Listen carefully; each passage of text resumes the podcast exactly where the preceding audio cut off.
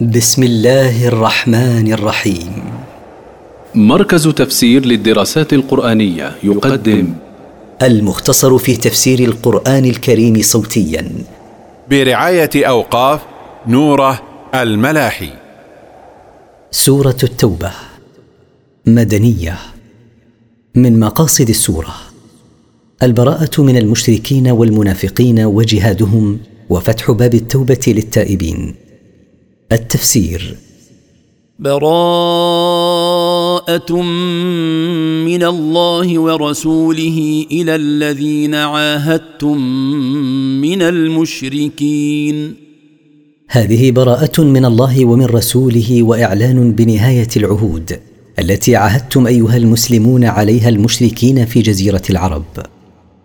فسيحوا في الأرض أربعة أشهر واعلموا أنكم غير معجز الله وأن الله مخزي الكافرين. فسيروا أيها المشركون في الأرض مدة أربعة أشهر آمنين ولا عهد لكم بعدها ولا أمان وأيقنوا أنكم لن تفلتوا من عذاب الله وعقابه إن استمررتم على كفركم به. وأيقنوا أن الله مذل الكافرين بالقتل والأسر في الدنيا وبدخول النار يوم القيامة. ويشمل هذا من نقضوا عهدهم ومن كان عهدهم مطلقا غير مؤقت. وأما من له عهد مؤقت ولو كان أكثر من أربعة أشهر فإنه يتم له عهده إلى مدته. وأذان من الله ورسوله إلى الناس يوم الحج الأكبر أن الله بريء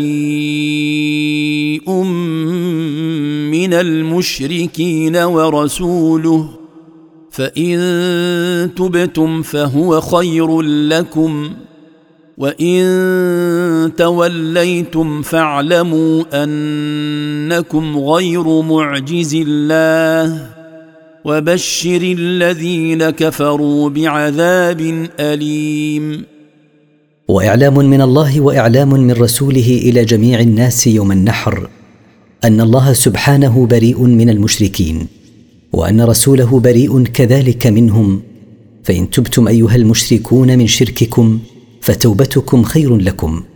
وإن أعرضتم عن التوبة فأيقنوا أنكم لن تفوتوا الله ولن تفلتوا من عقابه. وأخبر أيها الرسول الذين كفروا بالله بما يسوءهم وهو عذاب موجع ينتظرهم. الا الذين عاهدتم من المشركين ثم لم ينقصوكم شيئا ولم يظاهروا عليكم احدا ولم يظاهروا عليكم احدا فاتموا اليهم عهدهم إلى مدتهم ان الله يحب المتقين الا الذين عاهدتم من المشركين ووفوا بعهدكم ولم ينقصوا منه شيئا فهم مستثنون من الحكم السابق فاكملوا لهم الوفاء بعهدهم حتى تنقضي مدته.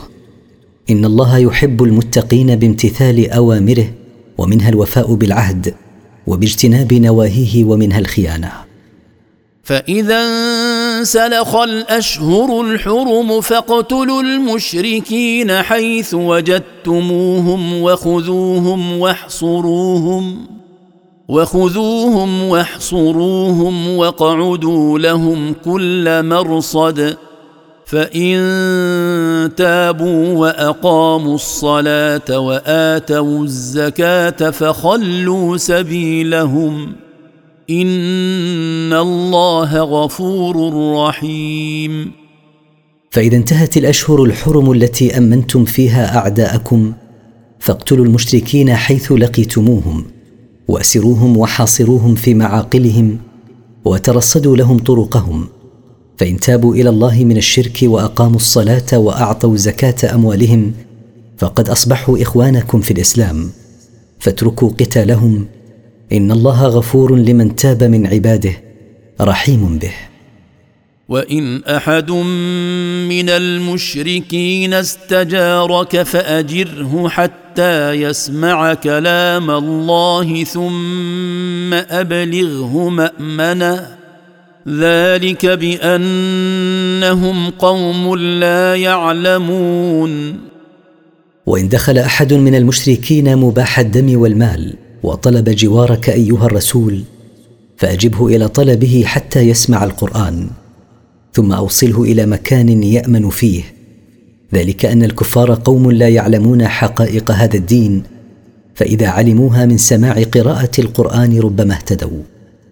كيف يكون للمشركين عهد عند الله وعند رسوله إلا الذين عاهدتم عند المسجد الحرام فما استقاموا لكم فاستقيموا لهم إن الله يحب المتقين لا يصح أن يكون للمشركين بالله عهد وأمان عند الله وعند رسوله إلا عهد أولئك المشركين الذين عاهدتموهم أيها المسلمون عند المسجد الحرام في صلح الحديبية.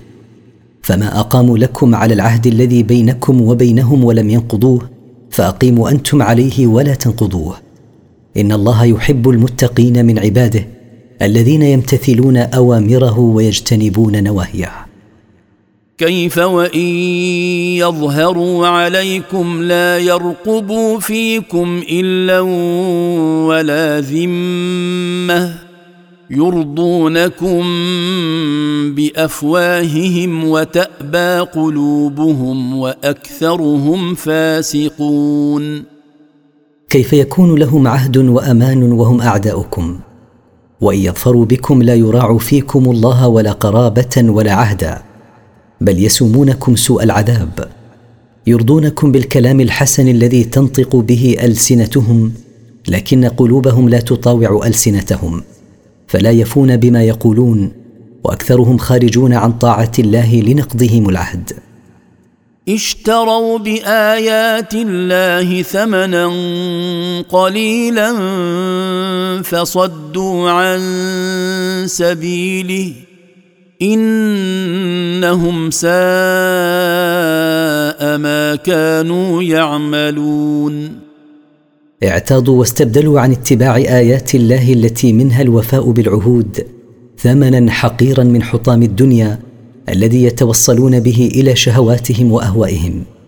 فصدوا أنفسهم عن اتباع الحق وأعرضوا عنه وصدوا غيرهم عن الحق. إنهم ساء عملهم الذي كانوا يعملون. لا يرقبون في مؤمن إلا ولا ذمة وأولئك هم المعتدون. لا يراعون الله ولا قرابة ولا عهدا في مؤمن. لما هم عليه من العداوة فهم متجاوزون لحدود الله. لما يتصفون به من الظلم والعدوان. فإن تابوا وأقاموا الصلاة وآتوا الزكاة فإخوانكم في الدين. ونفصل الآيات لقوم يعلمون. فإن تابوا إلى الله من كفرهم ونطقوا بالشهادتين وأقاموا الصلاة وأعطوا زكاة أموالهم فقد صاروا مسلمين. وهم إخوتكم في الدين لهم ما لكم وعليهم ما عليكم. ولا يحل لكم قتالهم فإسلامهم يعصم دماءهم وأموالهم وأعراضهم. ونبين الآيات ونوضحها لقوم يعلمون فهم الذين ينتفعون بها وينفعون بها غيرهم. وإن نكثوا أيمانهم من بعد عهدهم وطعنوا في دينكم فقاتلوا أئمة الكفر. فقاتلوا أئمة الكفر إنهم لا أيمان لهم لعلهم ينتهون.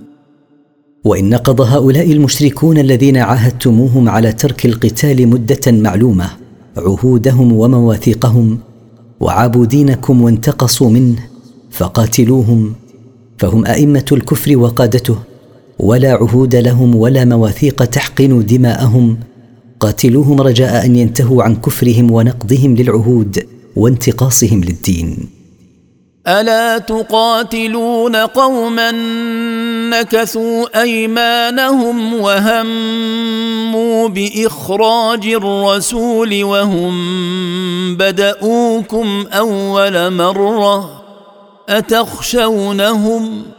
فالله أحق أن تخشوه إن كنتم مؤمنين. لم لا تقاتلون أيها المؤمنون قوما نقضوا عهودهم ومواثيقهم وسعوا في اجتماعهم في دار الندوة إلى إخراج الرسول صلى الله عليه وسلم من مكة وهم بدأوكم بالقتال أول مرة عندما أعانوا بكرا حلفاء قريش على خزاعة حلفاء الرسول صلى الله عليه وسلم أتخافون ملاقاتهم في الحرب؟ فالله سبحانه أحق أن تخافوه إن كنتم مؤمنين حقا. قاتلوهم يعذبهم الله بأيديكم ويخزهم وينصركم عليهم ويشف صدور قوم مؤمنين. قاتلوا أيها المؤمنون هؤلاء المشركين فإنكم إن تقاتلوهم يعذبهم الله بأيديكم وذلك بقتلكم إياهم ويذلهم بالهزيمة والأسر وينصركم عليهم بجعل الغلبة لكم ويبرئ داء صدور قوم مؤمنين لم يشهدوا القتال بما حصل لعدوهم من القتل والأسر والهزيمة ونصر المؤمنين عليهم. ويذهب غيظ قلوبهم. ويتوب الله على من يشاء والله عليم حكيم. ويبعد الغيظ عن قلوب عباده المؤمنين بما نالوه من النصر عليهم. ويتوب الله على من يشاء من هؤلاء المعاندين إن تابوا كما وقع من بعض أهل مكة يوم الفتح.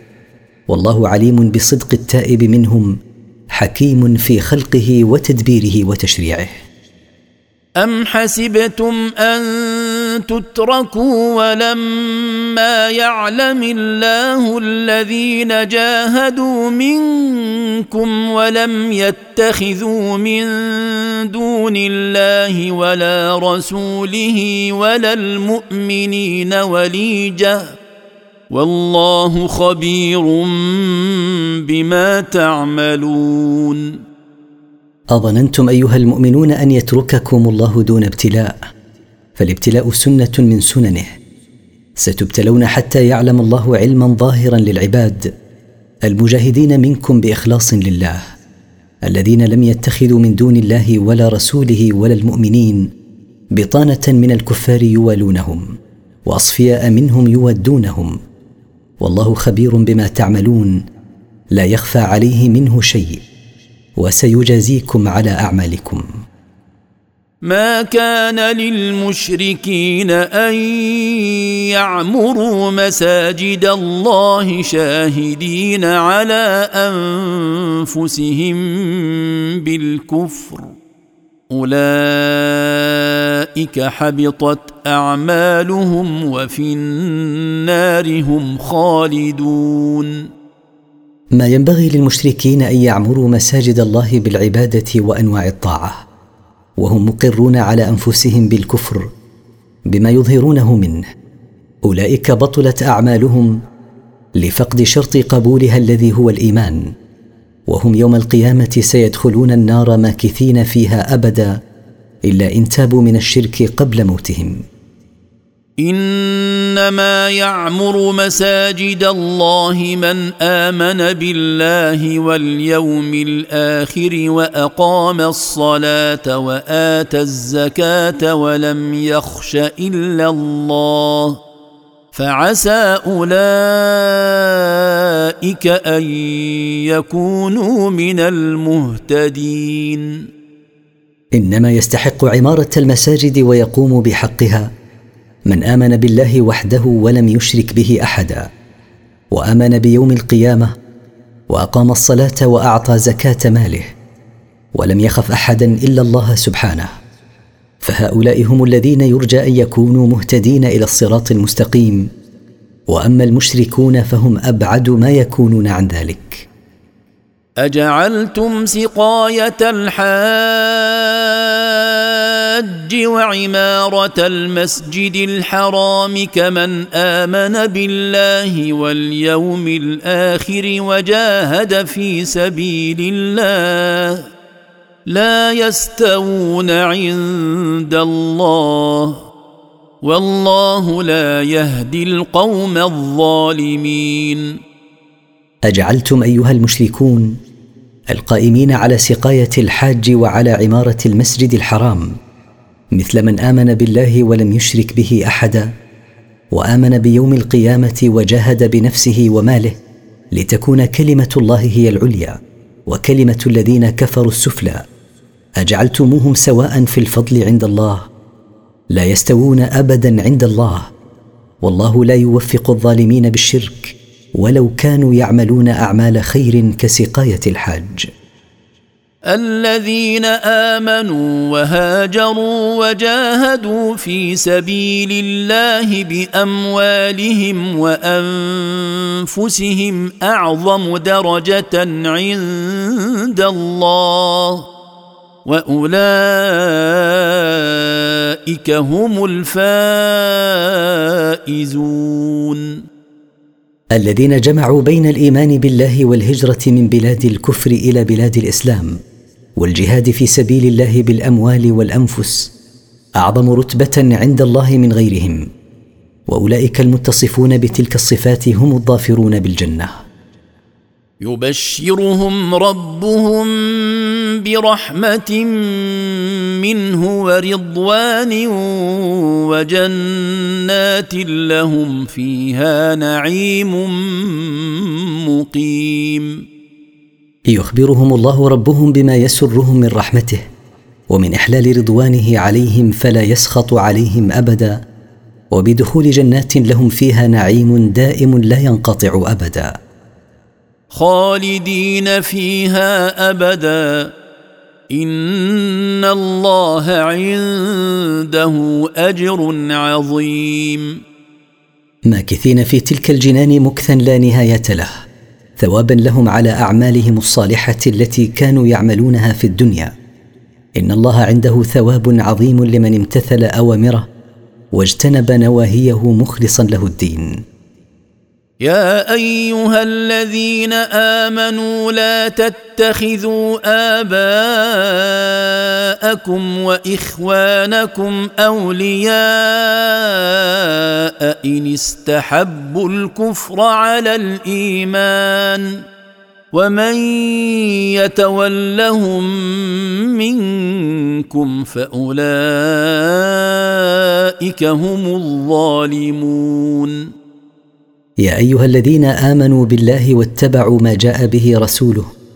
لا تصيروا آباءكم وإخوانكم في النسب وغيرهم من قرابتكم. أصفياء توالونهم بإفشاء أسرار المؤمنين إليهم والتشاور معهم. إن آثروا الكفر على الإيمان بالله وحده.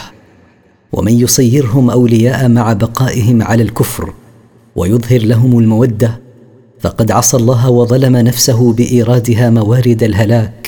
بسبب المعصية. قل إن كان آباؤكم وأبناؤكم وإخوانكم وأزواجكم وعشيرتكم وأموال اقترفتموها وأموال اقترفتموها وتجارة تخشون كسادها ومساكن ترضونها أحب إليكم من الله ورسوله أحب إليكم من الله ورسوله وجهاد في سبيله فتربصوا فتربصوا حتى يأتي الله بأمره. والله لا يهدي القوم الفاسقين. قل أيها الرسول إن كان آباؤكم أيها المؤمنون وأبناؤكم وإخوانكم وأزواجكم وأقرباؤكم وأموالكم التي اكتسبتموها وتجارتكم التي تحبون رواجها وتخافون كسادها وبيوتكم التي ترضون المقام فيها. إن كان كل أولئك أحب إليكم من الله ورسوله ومن الجهاد في سبيله فانتظروا ما ينزله الله بكم من العقاب والنكال والله لا يوفق الخارجين عن طاعته للعمل بما يرضيه. لقد نصركم الله في مواطن كثيرة. ويوم حنين إذ أعجبتكم كثرتكم فلم تغن عنكم شيئا وضاقت عليكم الأرض بما رحبت ثم وليتم مدبرين. لقد نصركم الله أيها المؤمنون على عدوكم من المشركين في غزوات كثيرة على قلة عددكم وضعف عدتكم حين توكلتم على الله وأخذتم بالأسباب ولم تعجبوا بكثرتكم فلم تكن الكثرة سبب نصركم عليهم ونصركم يوم حنين حين أعجبتكم كثرتكم فقلتم لن نغلب اليوم من قلة فلم تنفعكم كثرتكم التي أعجبتكم شيئا فتغلب عليكم عدوكم وضاقت عليكم الأرض على سعتها ثم وليتم عن أعدائكم فارين منهزمين.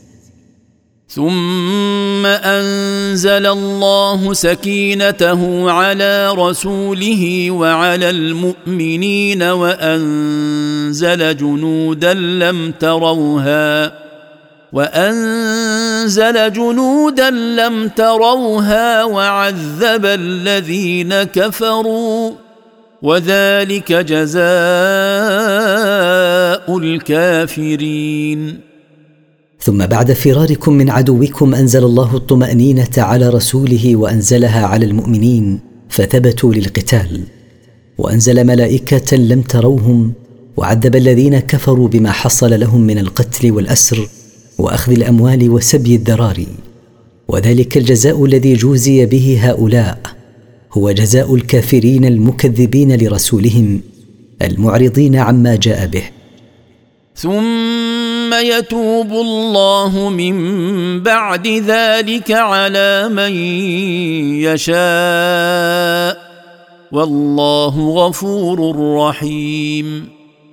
ثم إن من تاب من كفره وضلاله من بعد ذلك التعذيب فإن الله يتوب عليه ويقبل توبته والله غفور لمن تاب من عباده رحيم بهم حيث يقبل منهم التوبة بعد الكفر وارتكاب المعاصي. يا أيها الذين آمنوا إنما المشركون نجس فلا يقربوا المسجد الحرام بعد عامهم هذا. وإن خفتم عيلة فسوف يغنيكم الله من فضله إن شاء. ان الله عليم حكيم. يا ايها الذين امنوا بالله وبرسوله واتبعوا ما شرعه لهم. انما المشركون نجس لما فيهم من الكفر والظلم والاخلاق الذميمه والعادات السيئه. فلا يدخل الحرم المكي ومن ضمنه المسجد الحرام. ولو كانوا حجاجا أو معتمرين بعد عامهم هذا الذي هو سنه تسع للهجره. وإن خفتم أيها المؤمنون فقرا بسبب انقطاع ما كانوا يجلبون إليكم من الأطعمة والتجارات المختلفة. فإن الله سيكفيكم من فضله إن شاء. إن الله عليم بحالكم التي أنتم عليها حكيم فيما يدبره لكم. قاتلوا الذين لا يؤمنون بالله ولا باليوم الآخر ولا يحرمون ما حرم الله ورسوله ولا يدينون دين الحق. ولا يدينون دين الحق من الذين أوتوا الكتاب حتى يعطوا الجزية عن يد وهم صاغرون. قاتلوا أيها المؤمنون الكافرين الذين لا يؤمنون بالله إلها لا شريك له ولا يؤمنون بيوم القيامة ولا يجتنبون ما حرمه الله ورسوله عليهم من الميتة ولحم الخنزير والخمر والربا وغيرها ولا يخضعون لما شرعه الله من اليهود والنصارى حتى يعطوا الجزية بأيديهم أذلاء مقهورين. وقالت اليهود عزير ابن الله وقالت النصارى المسيح ابن الله ذلك قولهم بأفواههم. يضاهئون قول الذين كفروا من قبل. قاتلهم الله. أنا يؤفكون. إن كلا من اليهود والنصارى مشركون. فاليهود أشركوا بالله لما ادعوا أن عزيرا ابن الله. والنصارى أشركوا به لما ادعوا أن المسيح عيسى ابن الله. ذلك القول الذي افتروه قالوه بأفواههم دون إقامة برهان عليه. وهم يشابهون في هذا القول قول المشركين من قبلهم الذين قالوا إن الملائكة بنات الله تعالى الله عن ذلك علوا كبيرا. أهلكهم الله كيف يصرفون عن الحق البين إلى الباطل؟ اتخذوا أحبارهم ورهبانهم أربابا من دون الله والمسيح ابن مريم وما أمروا إلا ليعبدوا إلها واحدا. لا إله إلا هو. سبحانه عما يشركون. جعل اليهود علماءهم والنصارى عبادهم اربابا من دون الله يحلون لهم ما حرمه الله عليهم ويحرمون عليهم ما أحله الله لهم. وجعل النصارى المسيح عيسى ابن مريم إلها مع الله. وما أمر الله علماء اليهود وعباد النصارى وما أمر عزيرا وعيسى ابن مريم إلا أن يعبدوه وحده ولا يشركوا به شيئا فهو سبحانه إله واحد لا معبود بحق سواه. تنزه سبحانه وتقدس أن يكون له شريك كما يقول هؤلاء المشركون وغيرهم. يريدون أن يطفئوا نور الله بأفواههم ويأبى الله إلا أن يتم نوره ولو كره الكافرون. يريد هؤلاء الكفار وغيرهم ممن هم على ملة من ملل الكفر بافتراءاتهم هذه وتكذيبهم بما جاء به محمد صلى الله عليه وسلم أن يقضوا على الإسلام ويبطلوه ويبطلوا ما جاء فيه من الحجج الواضحة والبراهين الجلية على توحيد الله وأن ما جاء به رسوله حق ويأبى الله سبحانه وتعالى إلا أن يكمل دينه ويظهره ويعليه على غيره. ولو كره الكافرون إكمال دينه وإظهاره وإعلاءه فإن الله متمه ومظهره ومعليه وإذا أراد الله امرا بطلت إرادة غيره.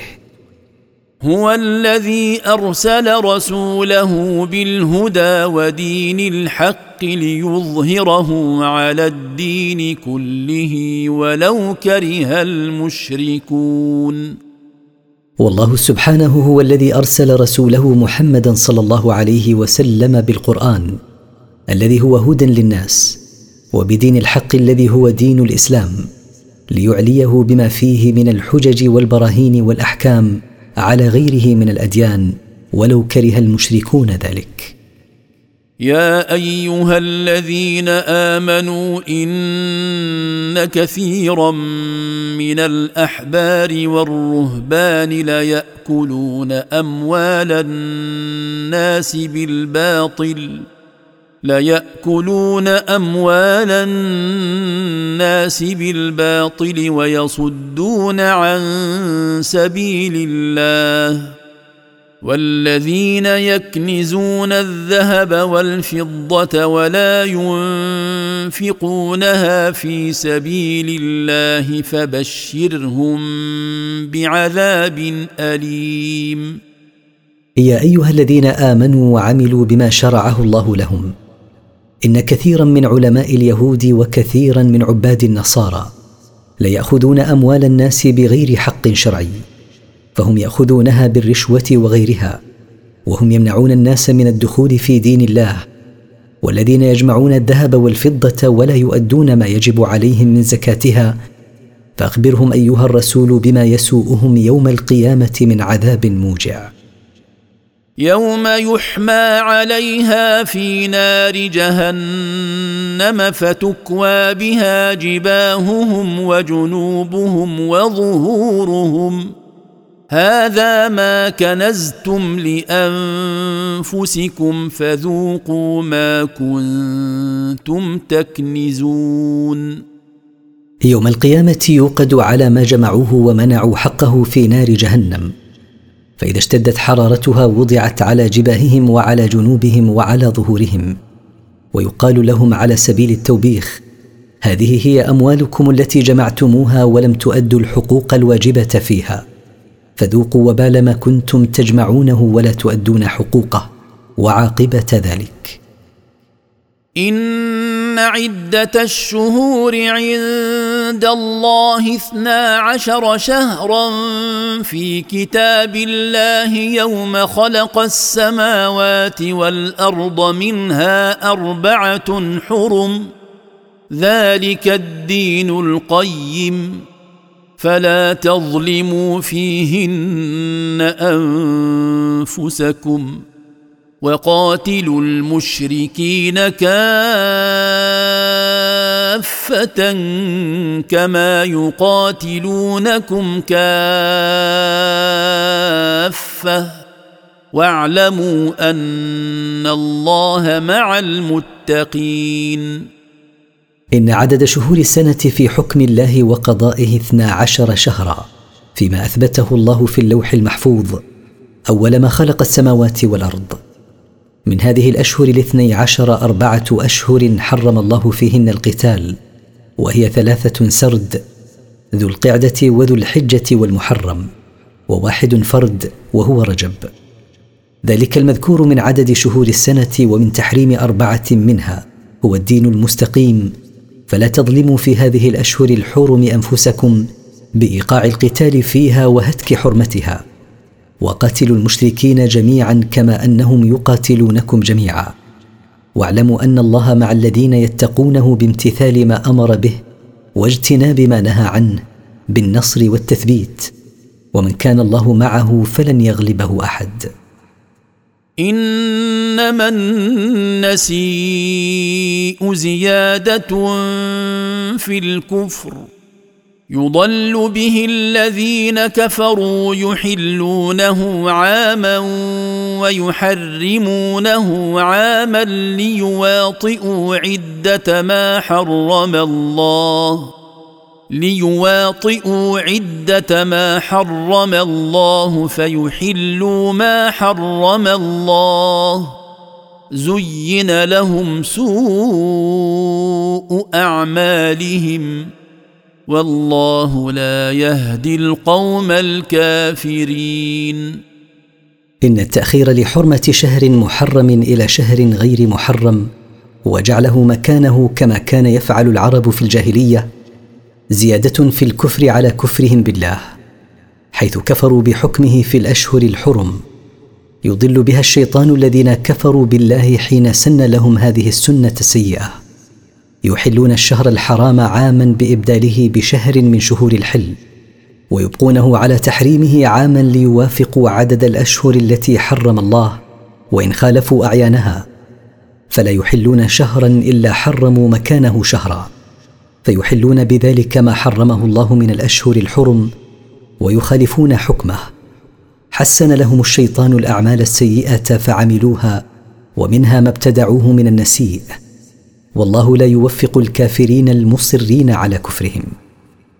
يا أيها الذين آمنوا ما لكم إذا قيل لكم انفروا في سبيل الله اثاقلتم إلى الأرض ارضيتم بالحياة الدنيا من الاخره فما متاع الحياة الدنيا في الاخره الا قليل. يا ايها الذين امنوا بالله ورسوله وعملوا بما شرعه لهم ما شانكم اذا دعيتم إلى الجهاد في سبيل الله لقتال عدوكم تباطاتم وملتم إلى الاستقرار في مساكنكم أرضيتم بمتاع الحياة الدنيا الزائلة ولذاتها المنقطعة عوضا عن نعيم الآخرة الدائم الذي أعده الله للمجاهدين في سبيله. فما متاع الحياة الدنيا في جنب الآخرة إلا حقير فكيف لعاقل أن يختار فانيا على باق وحقيرا على عظيم؟ إلا تنفروا يعذبكم عذابا اليما ويستبدل قوما غيركم ولا تضروه شيئا والله على كل شيء قدير. إن لم تخرجوا أيها المؤمنون للجهاد في سبيل الله لقتال عدوكم يعاقبكم الله بالقهر والإذلال وغيره. ويستبدل بكم قوما مطيعين لله إذا استنفروا للجهاد نفروا ولا تضروه شيئا بمخالفتكم أمره. فهو غني عنكم وأنتم الفقراء إليه. والله على كل شيء قدير لا يعجزه شيء. فهو قادر على نصر دينه ونبيه من دونكم. إلا تنصروه فقد نصره الله إذ أخرجه الذين كفروا ثاني اثنين إذ هما في الغار إذ هما في الغار إذ يقول لصاحبه لا تحزن إن الله معنا. فأنزل الله سكينته عليه وأيده بجنود لم تروها وجعل كلمة الذين كفروا السفلى وكلمة الله هي العليا والله عزيز حكيم. إن لم تنصروا أيها المؤمنون رسول الله صلى الله عليه وسلم وتستجيبوا لدعوته للجهاد في سبيل الله. فقد نصره الله دون أن تكونوا معه. حين أخرجه المشركون هو وأبا بكر رضي الله عنه لا ثالث لهما. حين كانا في غار ثور مستخفيين من الكفار الذين كانوا يبحثون عنهما. حين يقول رسول الله صلى الله عليه وسلم لصاحبه أبي بكر الصديق حين خاف عليه أن يدركه المشركون لا تحزن إن الله معنا بتأييده ونصره. فأنزل الله الطمأنينة على قلب رسوله وأنزل عليه جنودا لا تشاهدونهم وهم الملائكة يؤيدونه. وصير كلمة المشركين السفلى وكلمة الله هي العليا حين أعلى الإسلام. والله عزيز في ذاته وقهره وملكه لا يغالبه أحد حكيم في تدبيره وقدره وشرعه. انفروا خفافا وثقالا وجاهدوا بأموالكم وأنفسكم في سبيل الله. ذلكم خير لكم إن كنتم تعلمون. سيروا أيها المؤمنون للجهاد في سبيل الله في العسر واليسر شبابا وشيوخا. وجاهدوا بأموالكم وأنفسكم فإن ذلك الخروج والجهاد بالأموال والأنفس أكثر نفعا في الحياة الدنيا والآخرة من القعود والتعلق بسلامة الأموال والأنفس. إن كنتم تعلمون ذلك فاحرصوا عليه. لو كان عرضا قريبا وسفرا قاصدا لاتبعوك ولكن بعدت عليهم الشقه وسيحلفون بالله لو استطعنا لخرجنا معكم يهلكون أنفسهم والله يعلم إنهم لكاذبون. لو كان ما تدعون إليه الذين استأذنوك من المنافقين في التخلف غنيمة سهلة وسفرا لا مشقة فيه لاتبعوك أيها النبي. ولكن بعدت عليهم المسافة التي دعوتهم لقطعها إلى العدو فتخلفوا. وسيحلف بالله هؤلاء المستأذنون من المنافقين في التخلف عندما ترجع إليهم قائلين لو استطعنا الخروج إلى الجهاد معكم لخرجنا. يهلكون أنفسهم بتعريضها لعقاب الله بسبب تخلفهم وبسبب هذه الأيمان الكاذبة. والله يعلم أنهم كاذبون في دعواهم وفي أيمانهم هذه. عفى الله عنك لم أذنت لهم حتى يتبين لك الذين صدقوا وتعلم الكاذبين.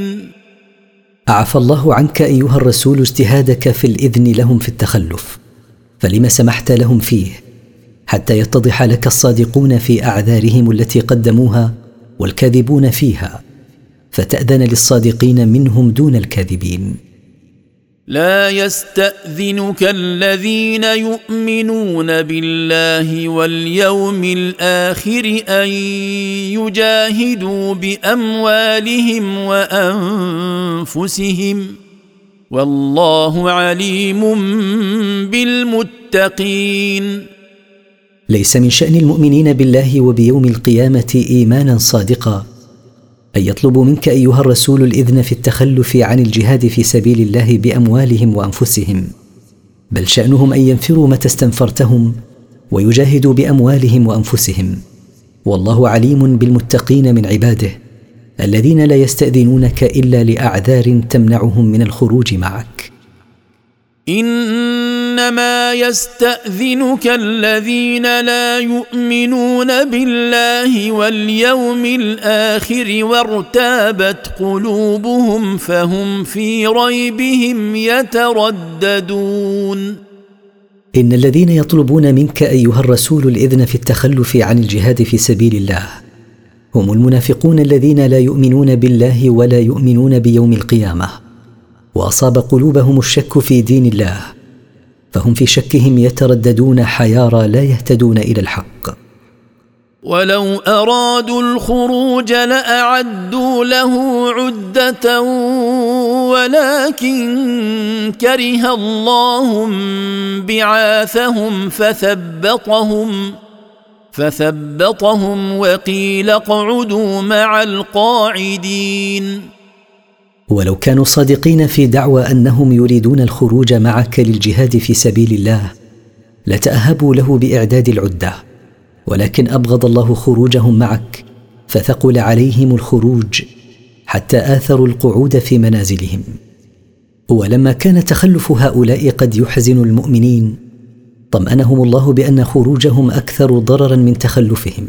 فقال لو خرجوا فيكم ما زادوكم إلا خبالا ولأوضعوا خلالكم يبغونكم الفتنة وفيكم سماعون لهم والله عليم بالظالمين. من الخير ألا يخرج هؤلاء المنافقون معكم. فهم إن خرجوا معكم ما زادوكم إلا فسادا بما يقومون به من التخذيل وإلقاء الشبه. ولا أسرعوا في صفوفكم بنشر النميمة لتفريقكم. وفيكم أيها المؤمنون من يستمع إلى ما يروجونه من الكذب فيقبله وينشره فينشأ الاختلاف بينكم. والله عليم بالظالمين من المنافقين الذين يلقون الدسائس والشكوك بين المؤمنين. لقد ابتغوا الفتنة من قبل وقلبوا لك الأمور حتى جاء الحق وظهر أمر الله وهم كارهون. لقد حرص هؤلاء المنافقون على الإفساد بتفريق كلمة المؤمنين وتشتيت شملهم من قبل غزوة تبوك ونوعوا وصرفوا لك أيها الرسول الأمور بتدبير الحيل لعل حيلهم تؤثر في عزمك على الجهاد حتى جاء نصر الله وتأييده لك وأعز الله دينه وقهر أعداءه وهم كارهون لذلك لأنهم كانوا يرغبون في انتصار الباطل على الحق. ومنهم من يقول ائذن لي ولا تفتني ألا في الفتنة سقطوا؟ وان جهنم لمحيطه بالكافرين ومن المنافقين من يعتذر بالاعذار المختلقه فيقول يا رسول الله ائذن لي في التخلف عن الجهاد ولا تحملني على الخروج معك حتى لا اصيب ذنبا بسبب فتنه نساء العدو الروم اذا شاهدتهن. الا قد وقعوا في فتنه اعظم مما زعموا وهي فتنة النفاق وفتنة التخلف. وإن جهنم يوم القيامة لمحيطة بالكافرين لا يفوتها منهم أحد ولا يجدون عنها مهربا. إن تصبك حسنة تسؤهم وان تصبك مصيبه يقولوا قد اخذنا امرنا من قبل ويتولوا وهم فرحون ان نالتك يا رسول الله نعمه من الله بما يسرك من نصر أو غنيمه كرهوا ذلك وحزنوا له. وان نالتك مصيبه من شده أو انتصار عدو يقول هؤلاء المنافقون قد احتطنا لانفسنا وأخذنا بالحزم حين لم نخرج للقتال كما خرج المؤمنون فأصابهم ما أصابهم من القتل والأسر. ثم ينصرف هؤلاء المنافقون إلى أهليهم مسرورين بالسلامة. قل لن يصيبنا إلا ما كتب الله لنا هو مولانا. وعلى الله فليتوكل المؤمنون. قل أيها الرسول لهؤلاء المنافقين لن ينالنا إلا ما كتبه الله لنا فهو سبحانه سيدنا وملجأنا الذي نلجأ إليه ونحن متوكلون عليه في أمورنا وإليه وحده يفوض المؤمنون أمورهم فهو كافيهم ونعم الوكيل. قل هل تربصون بنا إلا إحدى الحسنيين؟ ونحن نتربص بكم أن يصيبكم الله بعذاب من عنده أو بأيدينا فتربصوا إنا معكم متربصون. قل أيها الرسول لهم هل تنتظرون أن يقع لنا إلا النصر أو الشهادة؟ ونحن ننتظر أن ينزل بكم الله عذابا من عنده يهلككم أو يعذبكم بأيدينا بقتلكم وأسركم إذا أذن لنا بقتالكم. فانتظروا عاقبتنا إنا منتظرون عاقبتكم. قل أنفقوا طوعا أو كرها لن يتقبل منكم.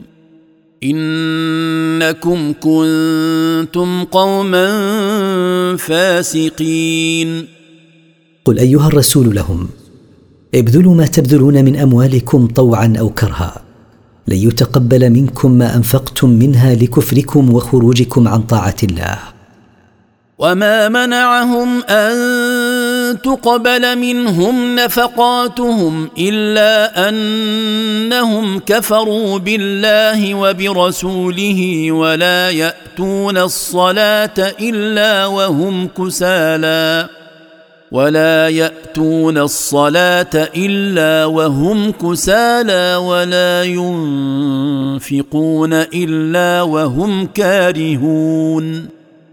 وما منعهم من قبول نفقاتهم إلا ثلاثة أمور كفرهم بالله وبرسوله وكسلهم وتثاقلهم إذا صلوا وأنهم لا ينفقون أموالهم طوعا وإنما ينفقونها كرها لأنهم لا يرجون ثوابا في صلاتهم ولا في إنفاقهم.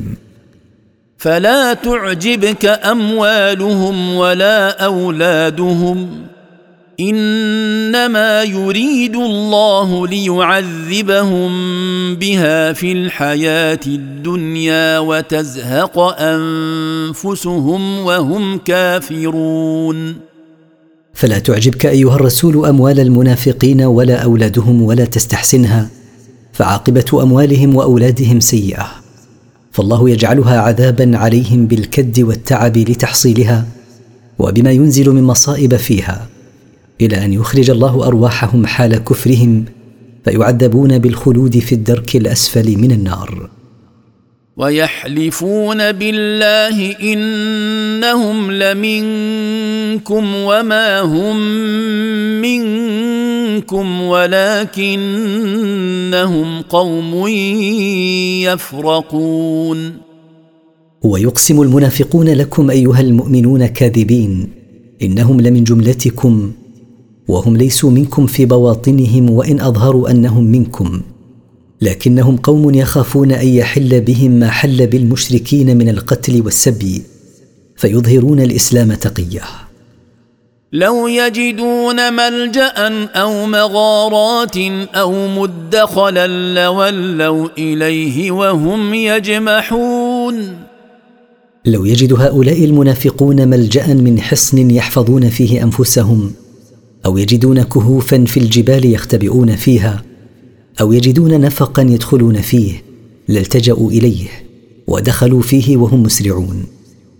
ومنهم من يلمزك في الصدقات فإن أعطوا منها رضوا وإن لم يعطوا منها إذا هم يسخطون. ومن المنافقين من يعيبك أيها الرسول في قسمة الصدقات عندما لا ينالون منها ما يريدون. فإن أعطيتهم منها ما يطلبون رضوا عنك وإن لم تعطهم ما يطلبون منها أظهروا التذمر. ولو أنهم رضوا ما آتاهم الله ورسوله وقالوا حسبنا الله سيؤتينا الله من فضله ورسوله وقالوا حسبنا الله سيؤتينا الله من فضله ورسوله إنا إلى الله راغبون. ولو أن هؤلاء المنافقين الذين يعيبونك في قسمة الصدقات رضوا بما فرضه الله لهم وبما أعطاهم رسوله منها وقالوا كافينا الله سيعطينا الله من فضله ما شاء. وسيعطينا رسوله مما أعطاه الله. أنا إلى الله وحده راغبون أن يعطينا من فضله. لو أنهم فعلوا ذلك لكان خيرا لهم من أن يعيبوك. ولما عابوا رسول الله صلى الله عليه وسلم في قسمتها بين لهم مصارفها ومستحقيها تبرئة لرسوله فقال انما الصدقات للفقراء والمساكين والعاملين عليها والمؤلفة قلوبهم وفي الرقاب والغارمين وفي سبيل الله والغارمين وفي سبيل الله وابن السبيل فريضة من الله والله عليم حكيم. إنما الزكوات الواجبة يجب أن تصرف للفقراء وهم المحتاجون الذين لديهم مال من مهنة أو وظيفة لكنه لا يكفيهم ولا يتنبه لحالهم. والمساكين الذين لا يكادون يملكون شيئا ولا يخفون على الناس بسبب حالهم أو مقالهم. وللسعاة الذين يرسلهم الإمام لجمعها وللكفار الذين يتألفون بها ليسلموا.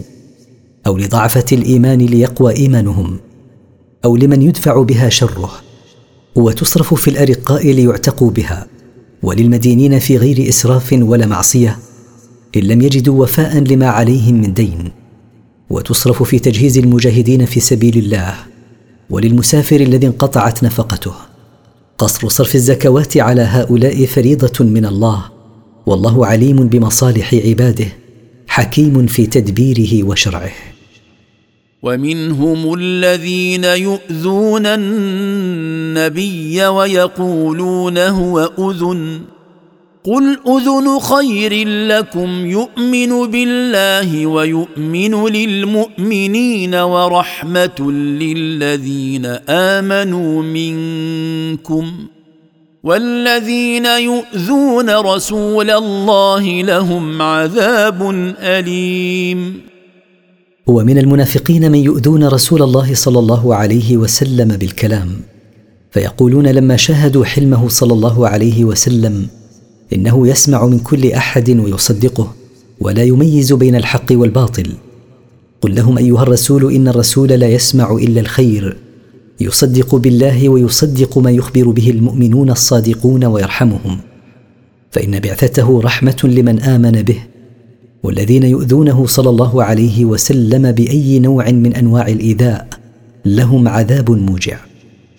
يحلفون بالله لكم ليرضوكم والله ورسوله أحق أن يرضوه إن كانوا مؤمنين.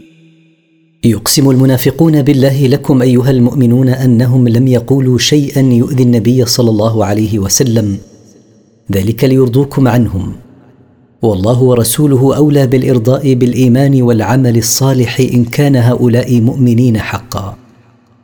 ألم يعلموا أنه من يحادد الله ورسوله فأن له نار جهنم خالدا فيها ذلك الخزي العظيم.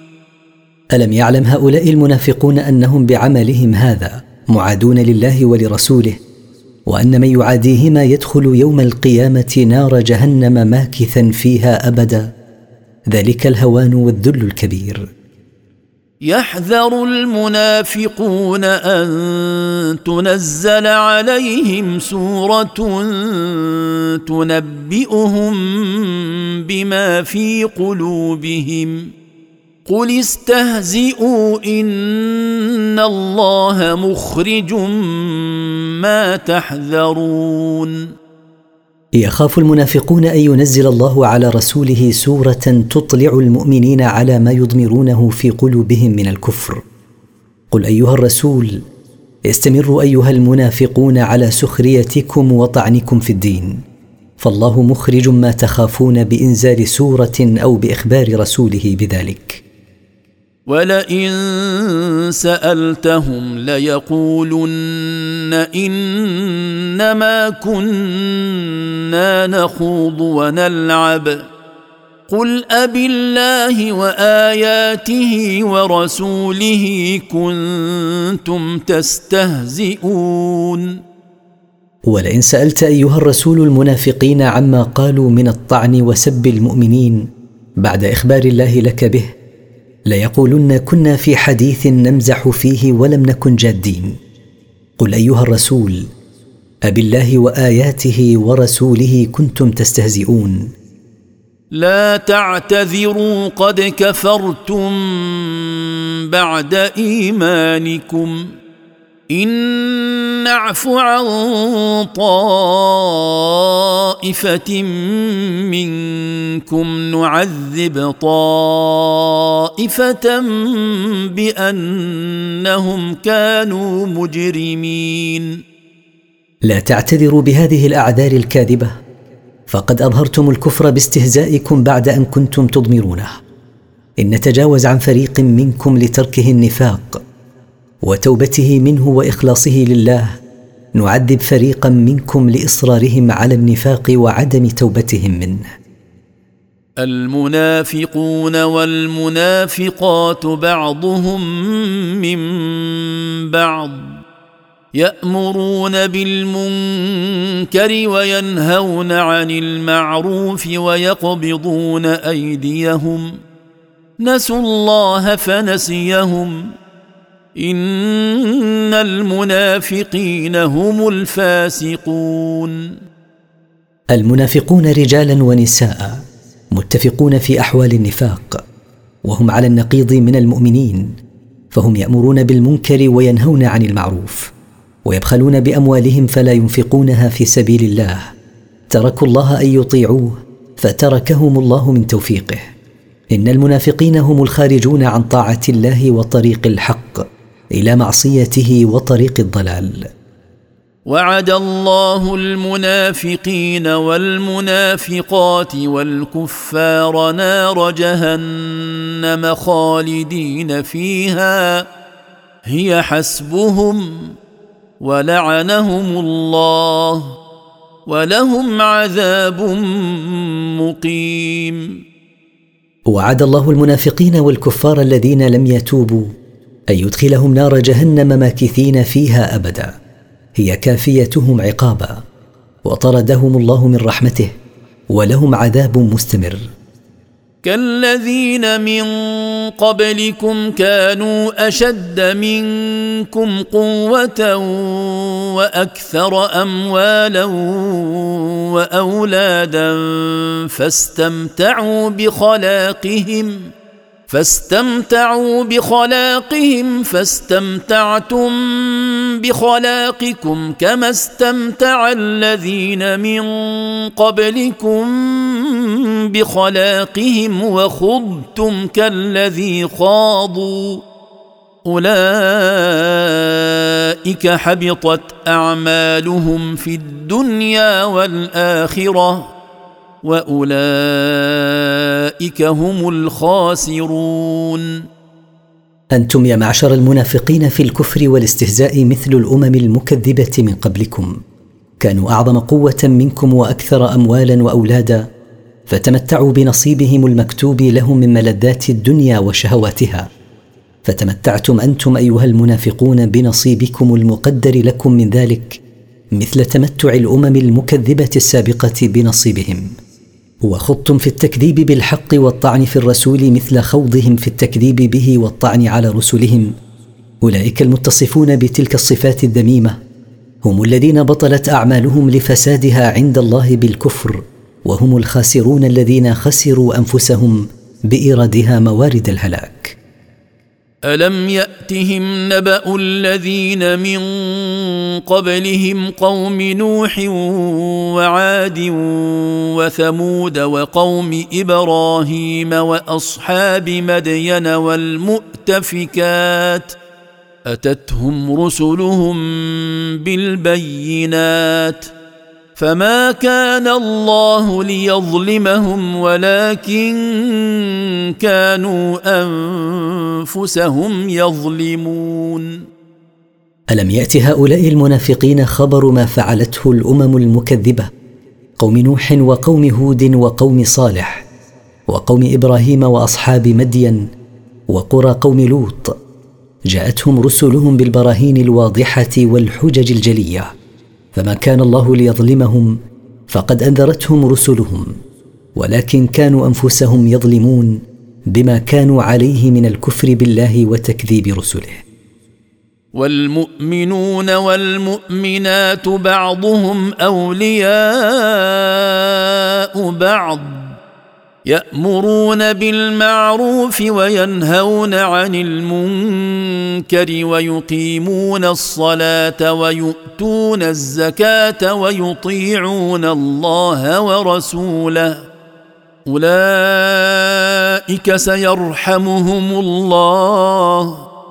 إن الله عزيز حكيم. والمؤمنون والمؤمنات بعضهم أنصار بعض وأعوانهم.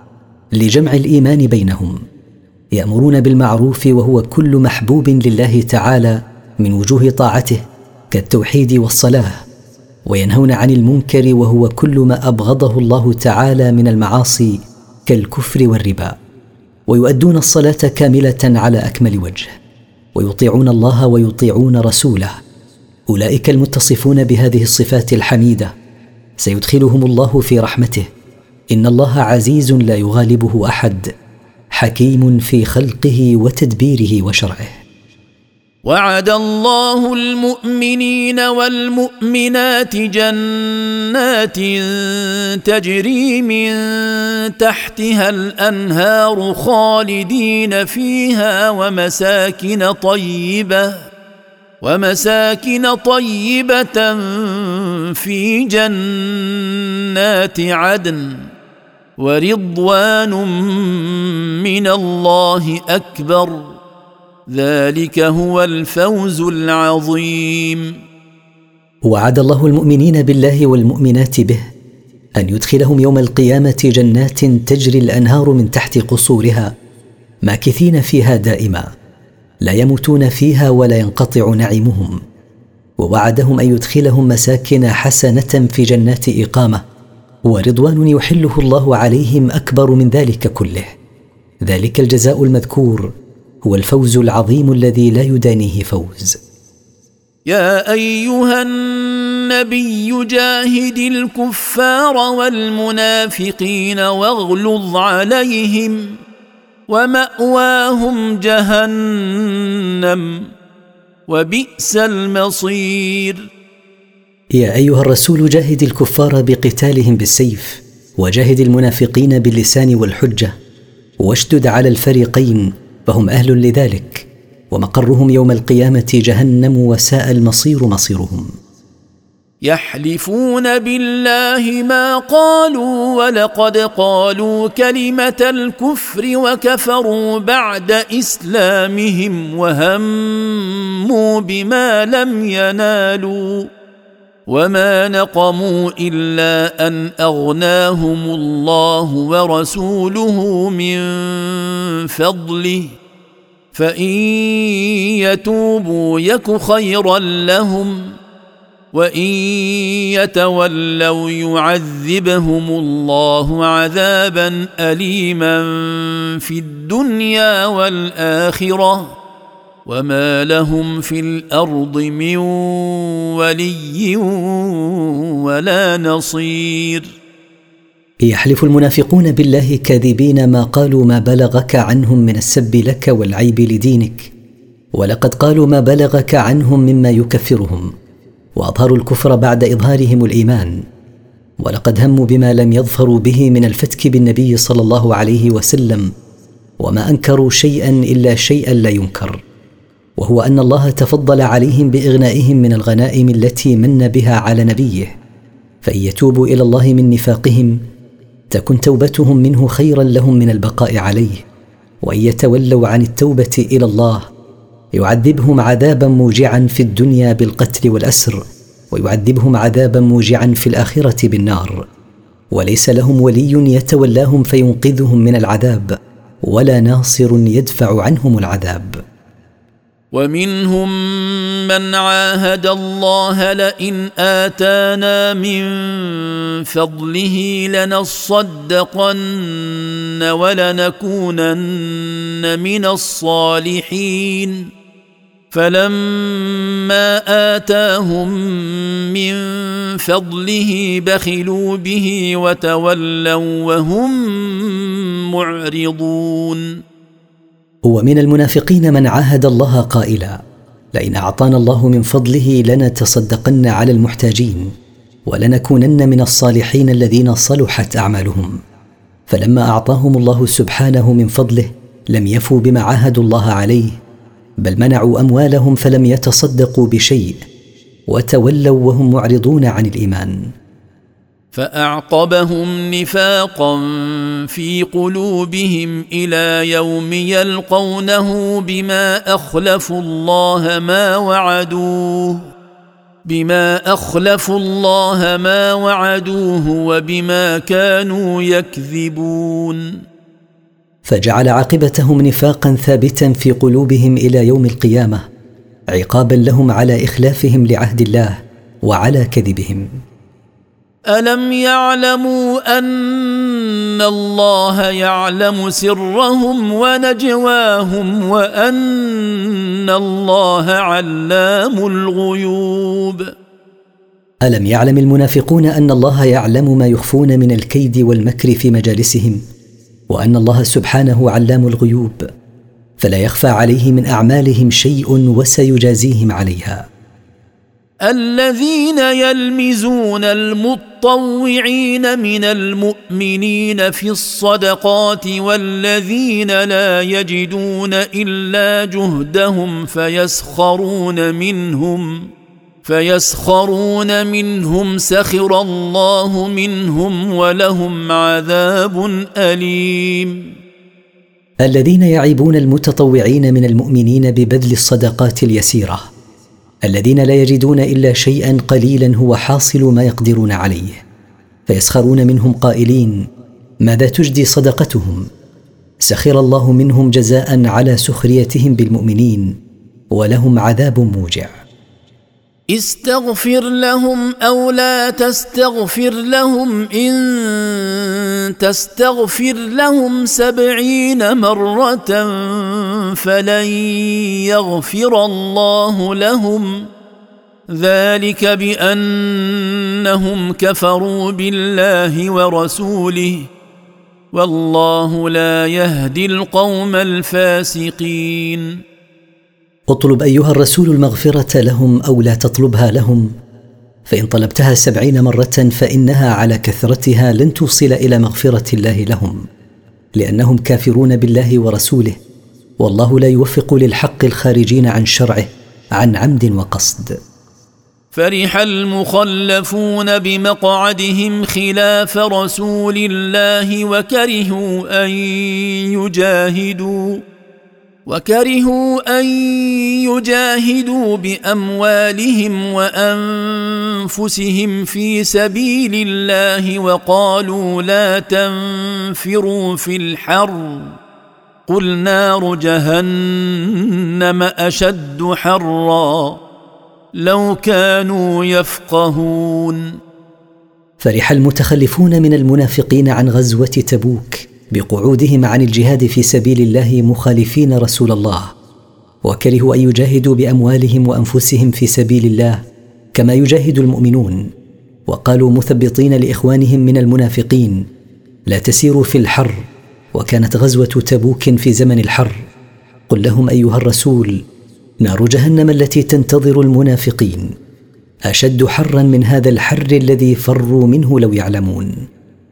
فليضحكوا قليلا وليبكوا كثيرا جزاء بما كانوا يكسبون. فليضحك هؤلاء المنافقون المتخلفون عن الجهاد قليلا في حياتهم الدنيا الفانية وليبكوا كثيرا في حياتهم الآخرة الباقية جزاء على ما كانوا اكتسبوه من الكفر والمعاصي والآثام في الدنيا.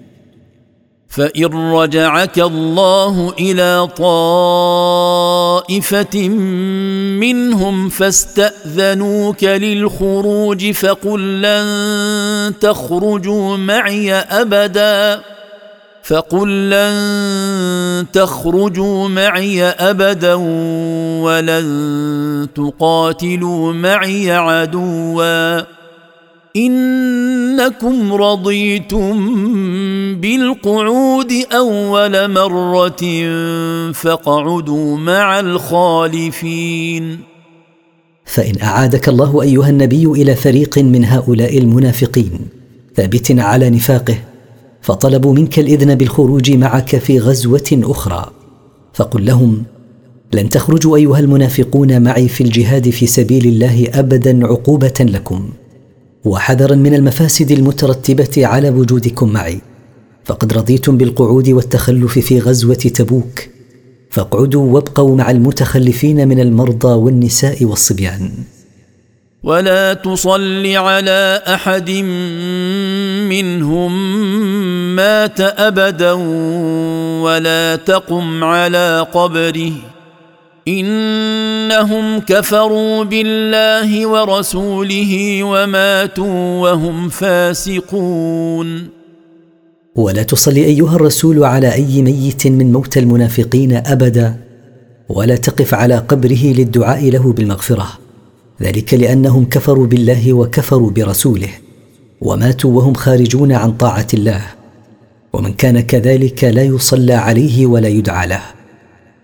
ولا تعجبك أموالهم وأولادهم إنما يريد الله أن يعذبهم بها في الدنيا وتزهق أنفسهم وهم كافرون.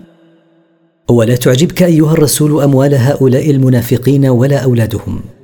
إنما يريد الله أن يعذبهم بها في الحياة الدنيا وذلك بما يعانونه من المشاق في سبيلها وما يصابون به من مصائب فيها وأن تخرج أرواحهم من أجسادهم وهم على كفرهم.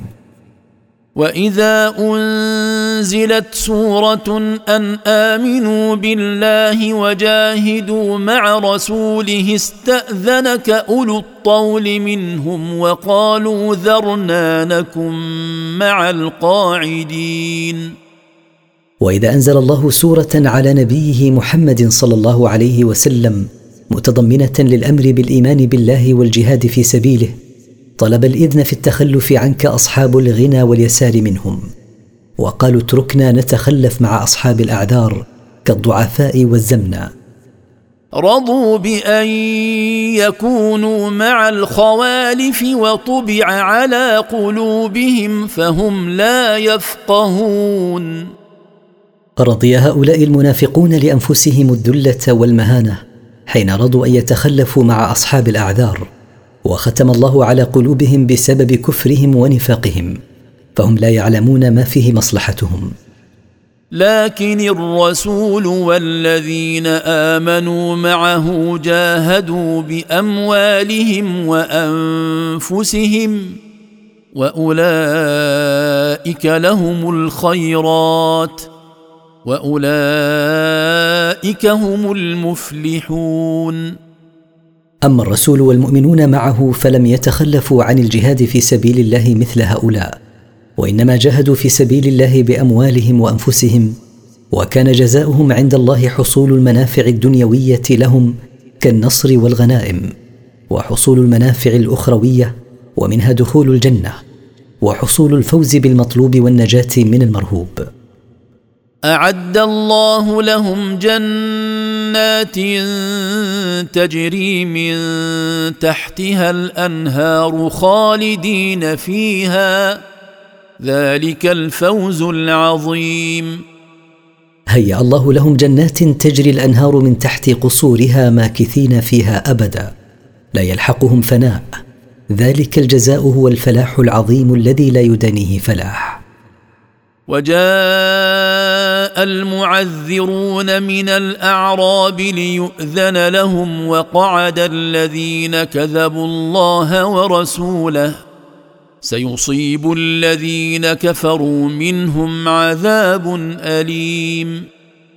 وجاء قوم من أعراب المدينة ومن حولها يعتذرون إلى رسول الله صلى الله عليه وسلم ليأذن لهم في التخلف عن الخروج والجهاد في سبيل الله.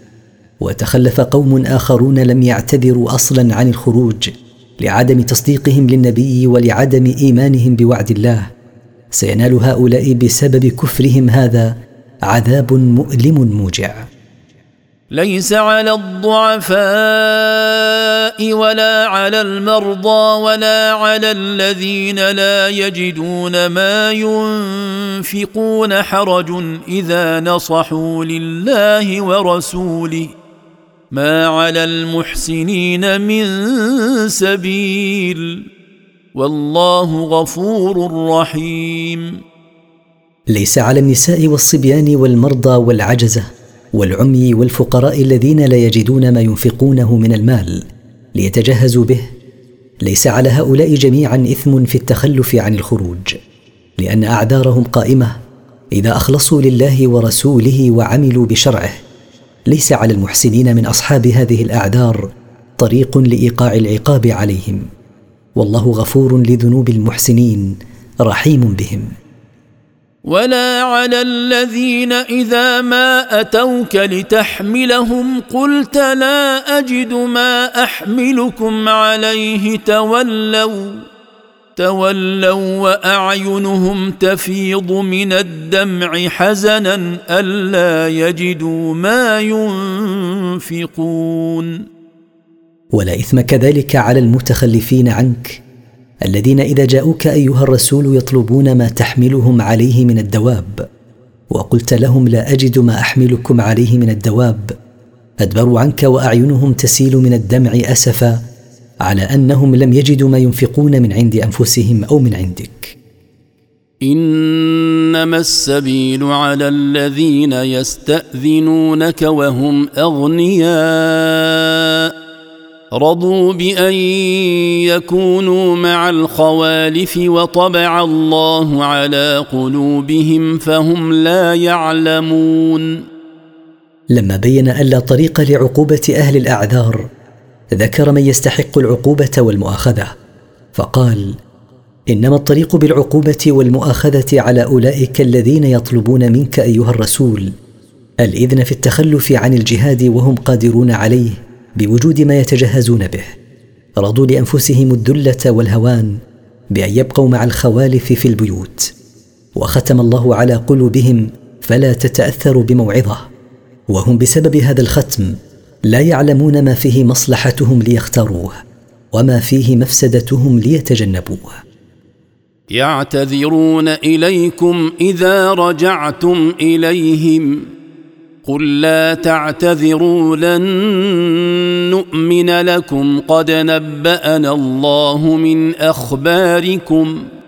وسيرى الله عملكم ورسوله ثم تردون إلى عالم الغيب والشهادة فينبئكم فينبئكم بما كنتم تعملون. يقدم المنافقون المتخلفون عن الجهاد اعذارا واهية للمسلمين حين عودتهم من الجهاد. ويوجه الله نبيه والمؤمنين بالرد عليهم لا تعتذروا بالأعذار الكاذبة لن نصدقكم فيما أخبرتمونا به منها. قد أعلمنا الله شيئا مما في نفوسكم وسيرى الله ورسوله هل ستتوبون فيقبل الله توبتكم أو تستمرون على نفاقكم. ثم ترجعون إلى الله الذي يعلم كل شيء فيخبركم بما كنتم تعملون ويجازيكم عليه. فبادروا إلى التوبة والعمل الصالح. سيحلفون بالله لكم إذا انقلبتم إليهم لتعرضوا عنهم فأعرضوا عنهم إنهم رجس. ومأواهم جهنم جزاء بما كانوا يكسبون. سيقسم هؤلاء المتخلفون بالله إذا رجعتم أيها المؤمنون إليهم تاكيدا لأعذارهم الباطلة لتكفوا عن لومهم وتوبيخهم فاتركوهم ترك ساخط واهجروهم إنهم أنجاس خبثاء الباطن ومستقرهم الذي يأوون إليه هو جهنم جزاء لهم على ما يكسبونه من النفاق والآثام. يحلفون لكم لترضوا عنهم فإن ترضوا عنهم فإن الله لا يرضى عن القوم الفاسقين. يقسم هؤلاء المتخلفون لكم أيها المؤمنون لترضوا عنهم وتقبلوا أعذارهم. فلا ترضوا عنهم فإن ترضوا عنهم فقد خالفتم ربكم. فإنه لا يرضى عن القوم الخارجين عن طاعته بالكفر والنفاق. فاحذروا أيها المسلمون أن ترضوا عمن لا يرضى الله عنه. الأعراب أشد كفرا ونفاقا وأجدر ألا يعلموا حدود ما أنزل الله على رسوله والله عليم حكيم. أهل البادية إن كفروا أو نافقوا كان كفرهم أشد من كفر غيرهم من أهل الحضر ونفاقهم أشد من نفاق أولئك. وهم أحرى بالجهل بالدين وأحق بالا يعلموا الفرائض والسنن وضوابط الأحكام التي أنزلها على رسوله لما هم عليه من الجفاء والغلظة وقلة المخالطة. والله عليم بأحوالهم لا يخفى عليه منها شيء حكيم في تدبيره وشرعه. ومن الأعراب من يتخذ ما ينفق مغرما ويتربص بكم الدوائر عليهم دائرة السوء والله سميع عليم. ومن سكان البادية المنافقين من يعتقد أن ما ينفقه من مال في سبيل الله خسران وغرامة لتوهمه أنه لا يؤجر إن أنفق ولا يعاقبه الله إن أمسك. ولكنه مع هذا ينفق أحيانا رياء وتقية. وينتظر أن ينزل بكم أيها المؤمنون شر فيتخلص منكم. جعل الله ما يتمنونه أن يقع على المؤمنين من الشر ودوران الزمان بما لا تحمد عقباه. واقعا عليهم هم لا على المؤمنين. والله سميع لما يقولونه. عليم بما يضمرونه.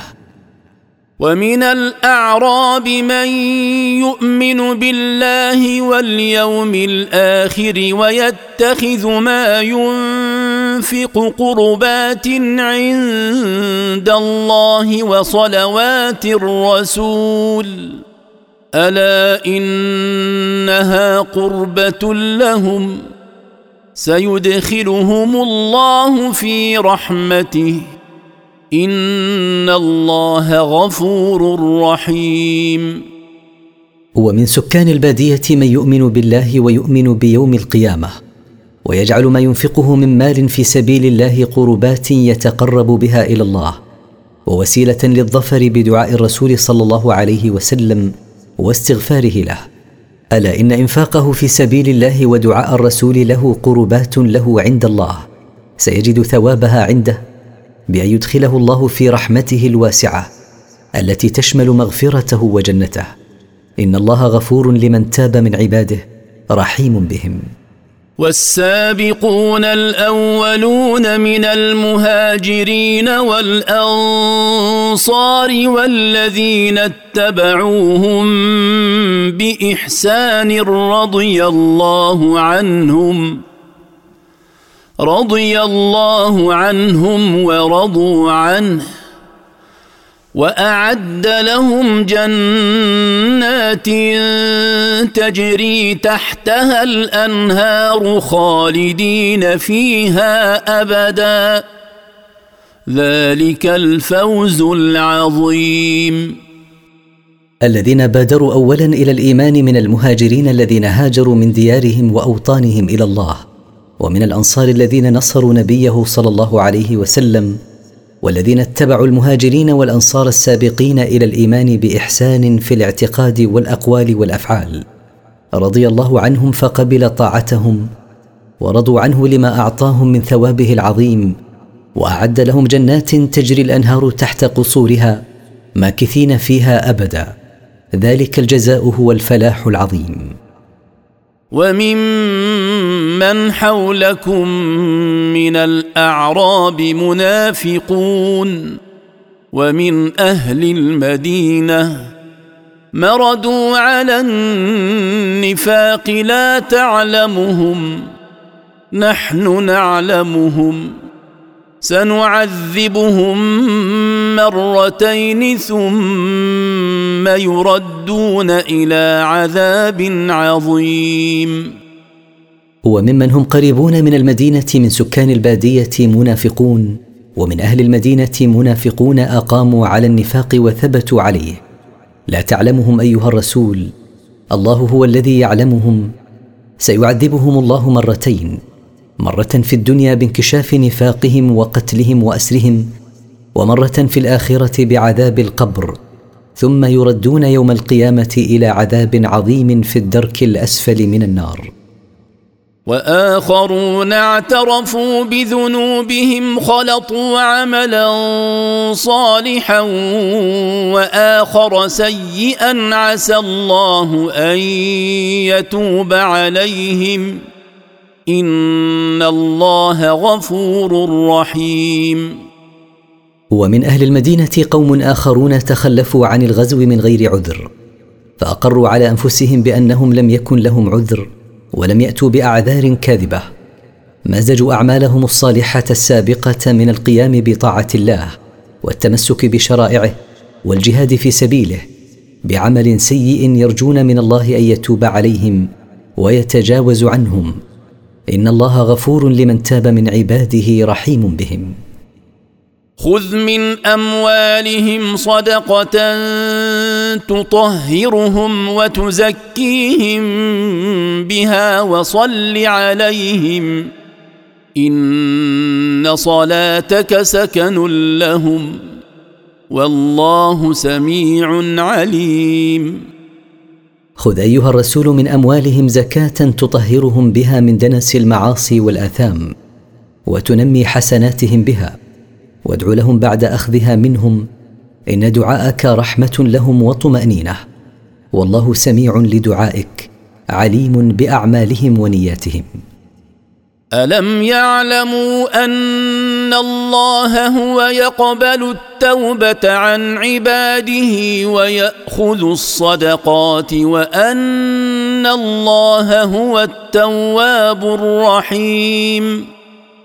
ليعلم هؤلاء المتخلفون عن الجهاد والتائبون إلى الله أن الله يقبل التوبة من عباده التائبين إليه وأنه يقبل الصدقات وهو غني عنها ويثيب المتصدق على صدقته وأنه سبحانه هو التواب على من تاب من عباده الرحيم بهم.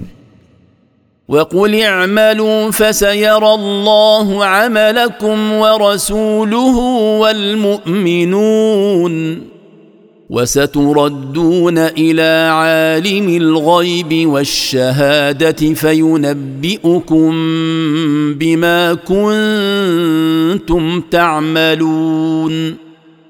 وقل أيها الرسول لهؤلاء المتخلفين عن الجهاد والتائبين من ذنبهم اجبروا ضرر ما فاتكم وأخلصوا أعمالكم لله واعملوا بما يرضيه فسيرى الله ورسوله والمؤمنون أعمالكم وسترجعون يوم القيامة إلى ربكم الذي يعلم كل شيء فيعلم ما تسرون وما تعلنون وسيخبركم بما كنتم تعملون في الدنيا ويجازيكم عليه.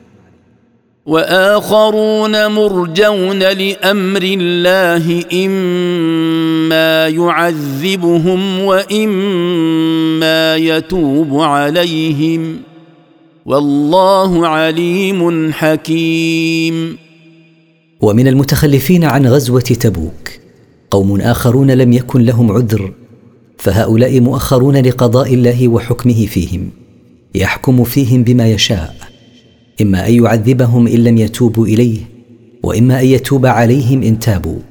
والله عليم بمن يستحق عقابه وبمن يستحق عفوه حكيم في شرعه وتدبيره. وهؤلاء هم مرارة بن الربيع وكعب بن مالك وهلال بن أمية.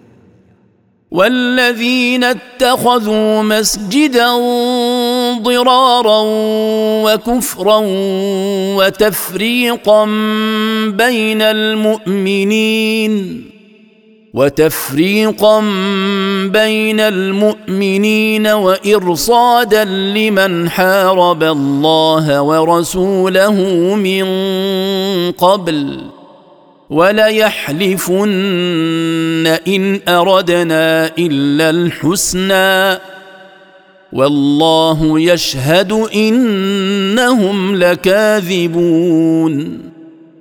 ومن المنافقين أيضا أولئك الذين ابتنوا مسجدا لغير طاعة الله بل للإضرار بالمسلمين وإظهار الكفر بتقوية أهل النفاق وللتفريق بين المؤمنين. وللإعداد والانتظار لمن حارب الله ورسوله من قبل بناء المسجد. وليحلفن هؤلاء المنافقون لكم ما قصدنا إلا الرفق بالمسلمين. والله يشهد إنهم لكاذبون في دعواهم هذه. لا تقم فيه أبدا. لمسجد أسس على التقوى من أول يوم أحق أن تقوم فيه. فيه رجال يحبون أن يتطهروا والله يحب المطهرين. مسجد هذه صفته لا تستجب أيها النبي لدعوة المنافقين لك للصلاة فيه فإن مسجد قباء الذي أسس أول ما أسس على التقوى أولى بأن تصلي فيه من هذا المسجد الذي أسس على الكفر. في مسجد قباء رجال يحبون أن يتطهروا من الأحداث والأخباث بالماء ومن المعاصي بالتوبة والاستغفار. والله يحب المتطهرين من الأحداث والأخباث والذنوب. أفمن أسس بنيانه على تقوى من الله ورضوان خير أم من أسس بنيانه على شفا جرف نار امن أسس بنيانه على شفا جرف هار فانهار به في نار جهنم؟ والله لا يهدي القوم الظالمين.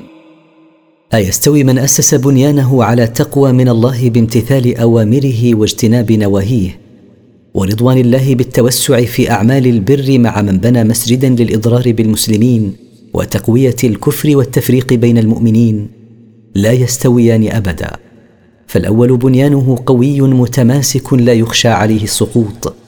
وهذا مثله كمثل من بنى بنيانا على شفير حفرة فتهدم وسقط فانهار به بنيانه في قعر جهنم. والله لا يوفق القوم الظالمين بالكفر والنفاق وغير ذلك. لا يزال بنيانهم الذي بنوا ريبة في قلوبهم إلا أن تقطع قلوبهم. والله عليم حكيم. لا يزال مسجدهم الذي بنوه ضرارا شكا ونفاقا ثابتا في قلوبهم حتى تتقطع قلوبهم بالموت أو القتل بالسيف. والله عليم بأعمال عباده حكيم فيما يحكم به من جزاء على الخير أو الشر. ولما بين الله فضائح المنافقين المتخلفين عن الجهاد.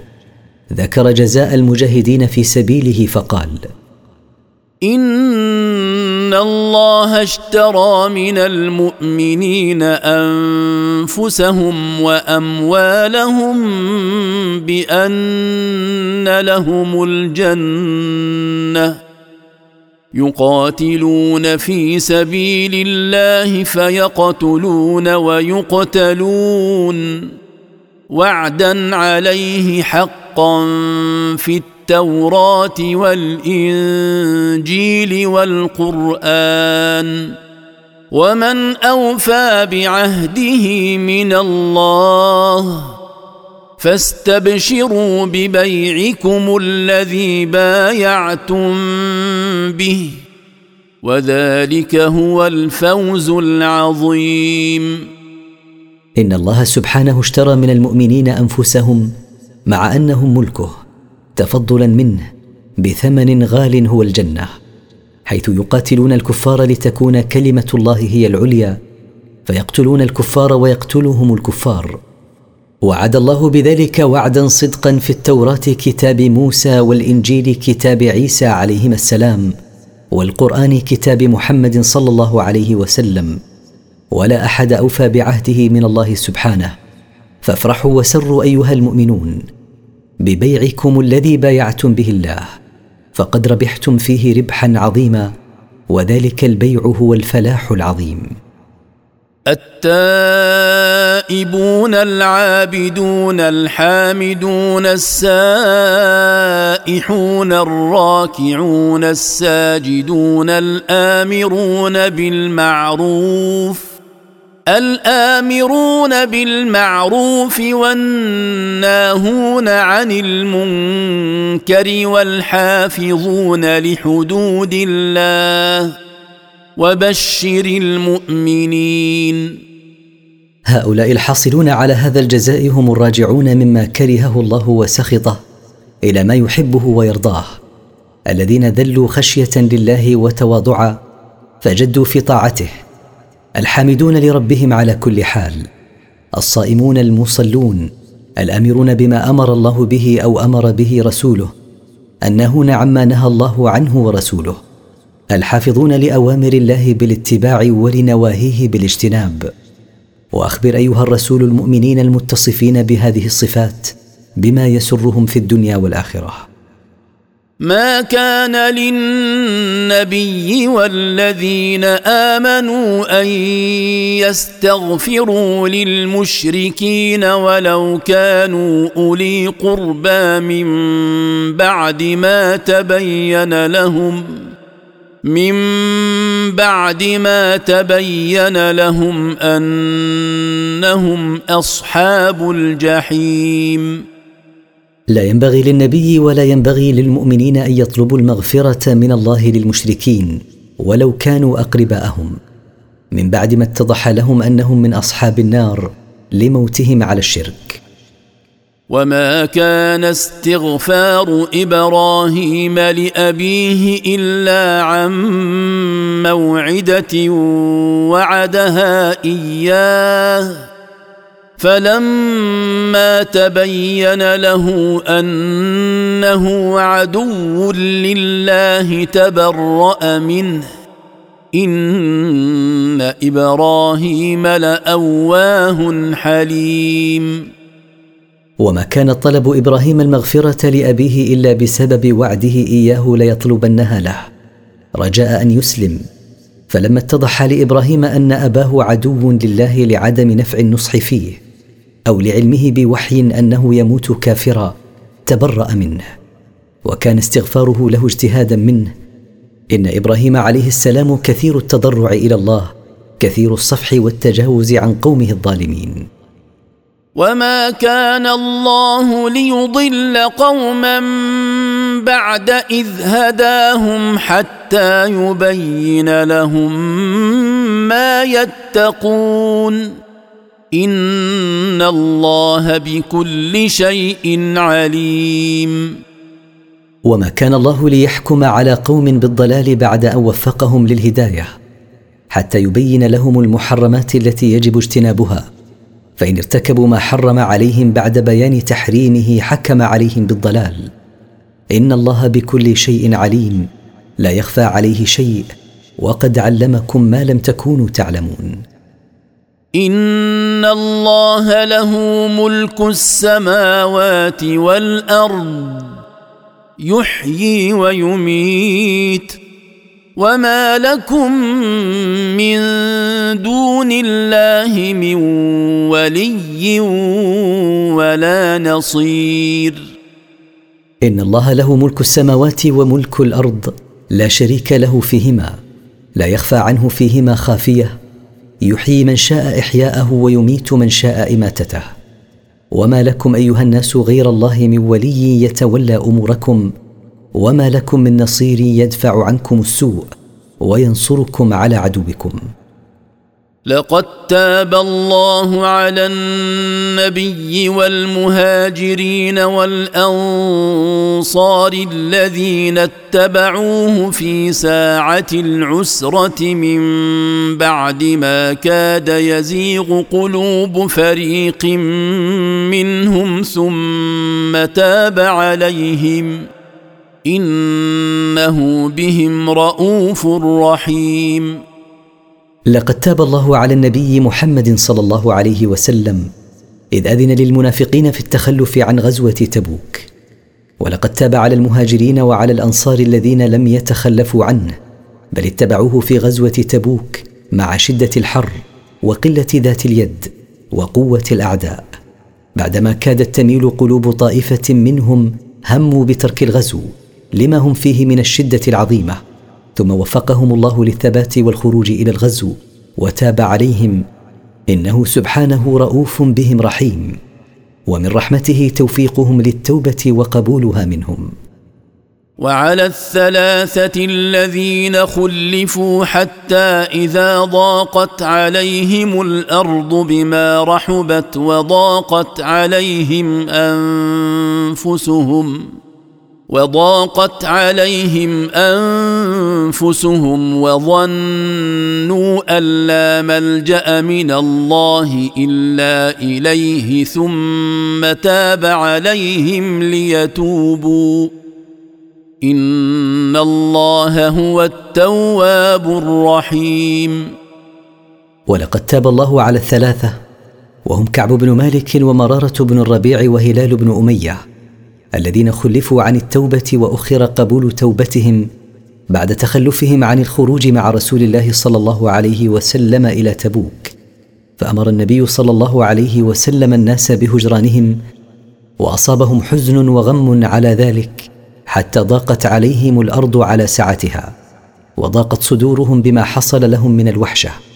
وعلموا أن لا ملجأ لهم يلجؤون إليه إلا إلى الله وحده فرحمهم بتوفيقهم للتوبة ثم قبل توبتهم. إنه هو التواب على عباده الرحيم بهم. يا أيها الذين آمنوا اتقوا الله وكونوا مع الصادقين. يا أيها الذين آمنوا بالله واتبعوا رسوله وعملوا بشرعه. اتقوا الله بامتثال أوامره واجتناب نواهيه. وكونوا مع الصادقين في إيمانهم وأقوالهم وأعمالهم. فلا منجاة لكم إلا في الصدق. ما كان لأهل المدينة ومن حولهم من الأعراب أن يتخلفوا عن رسول الله ولا يرغبوا بأنفسهم عن نفسه. ذلك بأنهم لا يصيبهم ظمأ ولا نصب ولا مخمصة في سبيل الله ولا يطؤون موطئا يغيظ الكفار ولا ينالون من عدو نيلا إلا كتب لهم إلا كتب لهم به عمل صالح. إن الله لا يضيع أجر المحسنين. ليس لأهل المدينة ولا لمن حولهم من سكان البادية أن يتخلفوا عن رسول الله صلى الله عليه وسلم إذا خرج إلى الجهاد بنفسه. وليس لهم أن يشحوا بأنفسهم ويصونوها عن نفسه صلى الله عليه وسلم. بل الواجب عليهم أن يبذلوا أنفسهم دون نفسه. ذلك لأنهم لا ينالهم عطش ولا تعب ولا مجاعة في سبيل الله ولا ينزلون مكانا يثير وجودهم به غيظ الكفار ولا يصيبون من عدو قتلا أو أسرا أو غنيمة أو هزيمة إلا كتب الله لهم بذلك ثواب عمل صالح يقبله منهم. إن الله لا يضيع أجر المحسنين بل يوفيهم إياه كاملا ويزيدهم عليه. ولا ينفقون نفقة صغيرة ولا كبيرة ولا يقطعون واديا إلا كتب لهم ليجزيهم الله ليجزيهم الله أحسن ما كانوا يعملون. ولا يبذلون مالا قليلا كان أو كثيرا. ولا يتجاوزون واديا إلا كتب لهم ما عملوه من بذل ومن سفر ليكافئهم الله فيعطيهم في الآخرة أجر أحسن ما كانوا يعملون. وما كان المؤمنون لينفروا كافة فلولا نفر من كل فرقة منهم طائفة ليتفقهوا في الدين ولينذروا قومهم ولينذروا قومهم إذا رجعوا إليهم لعلهم يحذرون. وما ينبغي للمؤمنين أن يخرجوا للقتال جميعا حتى لا يستأصلوا إذا ظهر عليهم عدوهم. فهلا خرج للجهاد فريق منهم وبقي فريق ليرافقوا رسول الله صلى الله عليه وسلم ويتفقهوا في الدين بما يسمعونه منه صلى الله عليه وسلم من القرآن وأحكام الشرع. وينذروا قومهم إذا رجعوا إليهم بما تعلموه. رجاء أن يحذروا من عذاب الله وعقابه فيمتثلوا أوامره ويجتنبوا نواهيه. وكان هذا في السرايا التي كان يبعثها رسول الله إلى النواحي ويختار لها طائفة من أصحابه. يا أيها الذين آمنوا قاتلوا الذين يلونكم من الكفار وليجدوا فيكم غلظة. واعلموا أن الله مع المتقين. أمر الله تعالى المؤمنين بقتال من يجاورهم من الكفار لما يسببون من خطر على المؤمنين بسبب قربهم وأمرهم كذلك أن يظهروا قوة وشدة من أجل إرهابهم ودفع شرهم والله تعالى مع المؤمنين المتقين بعونه وتأييده. واذا ما انزلت سوره فمنهم من يقول ايكم زادته هذه ايمانا فاما الذين امنوا فزادتهم ايمانا وهم يستبشرون واذا انزل الله سوره على رسوله صلى الله عليه وسلم فمن المنافقين من يسأل مستهزئا ساخرا أيكم زادته هذه السورة النازلة ايمانا بما جاء به محمد؟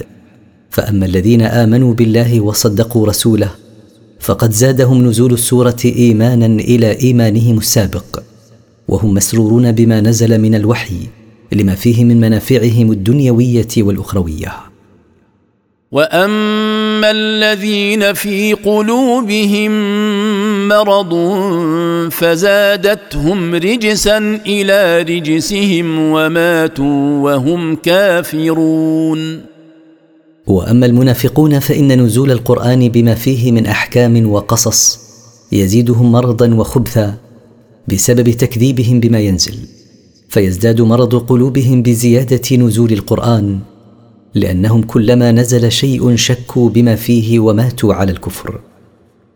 أولا يرون أنهم يفتنون في كل عام مرة أو مرتين ثم لا يتوبون ولا هم يذكرون. أولا ينظر المنافقون معتبرين بابتلاء الله لهم بكشف حالهم وفضح نفاقهم كل سنة مرة أو مرتين ثم مع علمهم بأن الله تعالى هو فاعل ذلك بهم لا يتوبون إليه من كفرهم ولا يقلعون عن نفاقهم ولا هم يتذكرون ما حل بهم وأنه من الله.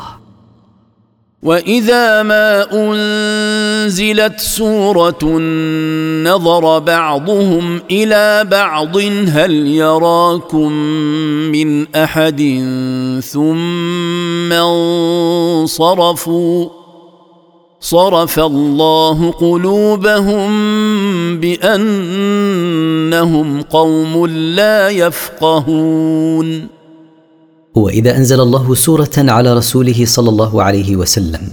فيها ذكر أحوال المنافقين. نظر بعض المنافقين إلى بعض قائلين هل يراكم من أحد؟ فإن لم يرهم أحد انصرفوا عن المجلس. ألا صرف الله قلوبهم عن الهداية والخير وخذلهم بأنهم قوم لا يفهمون. لقد جاءكم رسول من أنفسكم عزيز عليه ما عنتم حريص عليكم حريص عليكم بالمؤمنين رؤوف رحيم. لقد جاءكم يا معشر العرب رسول من جنسكم فهو عربي مثلكم شاق عليه ما يشق عليكم شديدة رغبته في هدايتكم والعناية بكم. وهو بالمؤمنين خاصة كثير العطف والرحمة. فإن تولوا فقل حسبي الله لا إله إلا هو عليه توكلت وهو رب العرش العظيم. فإن أعرضوا عنك ولم يؤمنوا بما جئت به فقل لهم أيها الرسول يكفيني الله الذي لا معبود بحق سواه. عليه وحده اعتمدت وهو سبحانه رب العرش العظيم.